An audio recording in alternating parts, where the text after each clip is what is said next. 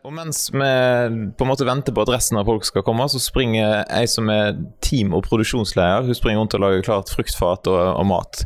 Hva annet enn å sørge for at vi får nok kaffe og kalorier i løpet av en dag, er på en måte ansvaret til en team- og produksjonsleder? Vet dere, Det er først og fremst et kjempeprivilegium å få lov å jobbe med så kreative og engasjerte folk som det jeg får ha rundt meg i Damaris Norge. Eh, jeg kjenner nok mest at eh, jeg får prøve det jeg kan til å dra mest mulig ut av den enkelte i forhold til det som faktisk ligger i han og henne av eh, kompetanse som vedkommende kanskje selv tenker nei, men dette er det jo andre som kan mye bedre enn meg.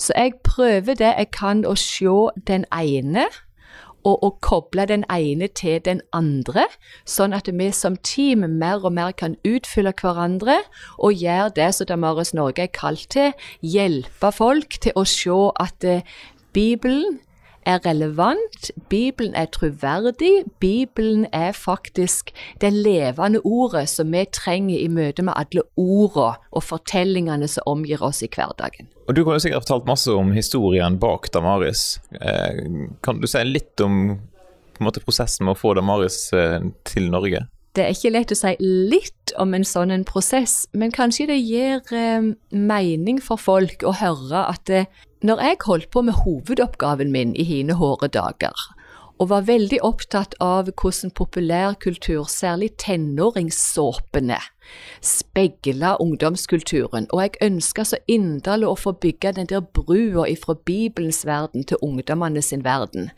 så følte jeg meg ganske aleine. Ikke det at jeg ikke ble backa opp av veileder og sånn, men det var liksom ingen andre som arbeidet med dette. Og så var jeg så heldig at jeg hadde et lite opphold i Oxford, og der kom jeg over et bokmanus. Det var ikke trygt ennå, men det, det lå der til gjennomlesing der jeg var, og jeg fikk lov å kikke på det. Og tittelen var 'Evangelism Made Slightly Less Difficult'.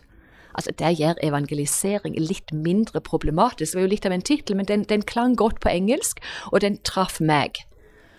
Og så så jeg Å, Nick Pollard, hvem er det?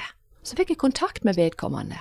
Og da skjedde det noe, for da gikk det opp for meg at å, det jeg balte med, det jeg kjente var en nød i hjertet mitt, for å si det på litt sånn internt kristent språk, men, men, det er veldig dekkende. Det var en nød på hjertet mitt.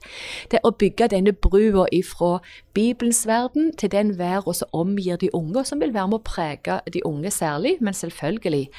Vi er ikke immune, vi som har levd litt lenger heller. Den nøden kjente andre på. Nick Pollard og hans kone og team kjente på det samme og hadde akkurat begynt å jobbe med det som de da kalte for Damaris Trust. Og da var det litt som å komme hjem, selv om jeg var borte i England. Og der begynte det. Og prosessen tok jo litt tid i forhold til å få organisere det i Norge og bli et AS og alt det der, men eh, det var likevel slik at når vi kom tilbake Mannen min var også i England på det, den tida, og vi var tent for det samme. og Når vi kom tilbake og delte dette med f.eks. familie og medier og laget og kollegaer som da var ansatt på det som heter Mediehøgskolen Gimlekollen, så var det en klangbunn der.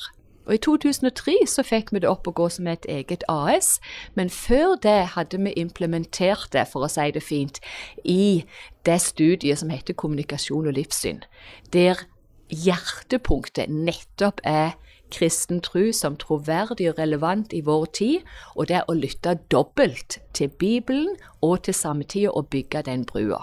Så, så Damaris Norge kom inn som en eh, et ekko, egentlig, av det som vi gjorde i klasserommet. Og kommunikasjon og livssyn er jo så til de grader et praktisk retta studium for alle kristne som er opptatt av å forstå mer av samtida vår, og dermed rent menneskelig få bedre bli utrusta til å nå vår tids menneske med evangeliet. Hvis nå noen syns at det hørtes grådig interessant ut med sånn kommunikasjon og livssyn og de faglige tingene som vi har snakket om i denne podkasten, hva, hva gjør de da? Er det fortsatt mulig å hive seg med og studere et eller annet der? Vet Det som er så utrolig kjekt med kommunikasjon og livssyn sånt eh, i forhold til tilrettelegging, er den fleksible ordningen. At du kan bygge opp en hel bachelorgrad med emne etter emne etter emne, så du tar parallelt med å være i jobb og noen faktisk parallelt med å ta andre studier. Så dermed så kan du søke via lokalt opptak direkte her til Mediehøgskolen Gimlekollen, og begynne på det emnet som interesserer deg mest. Sjekk nettsida www.nla.no kl. Om ikke du husker dette, så er det bare til google kommunikasjon livssyn, så kommer du på rett plass.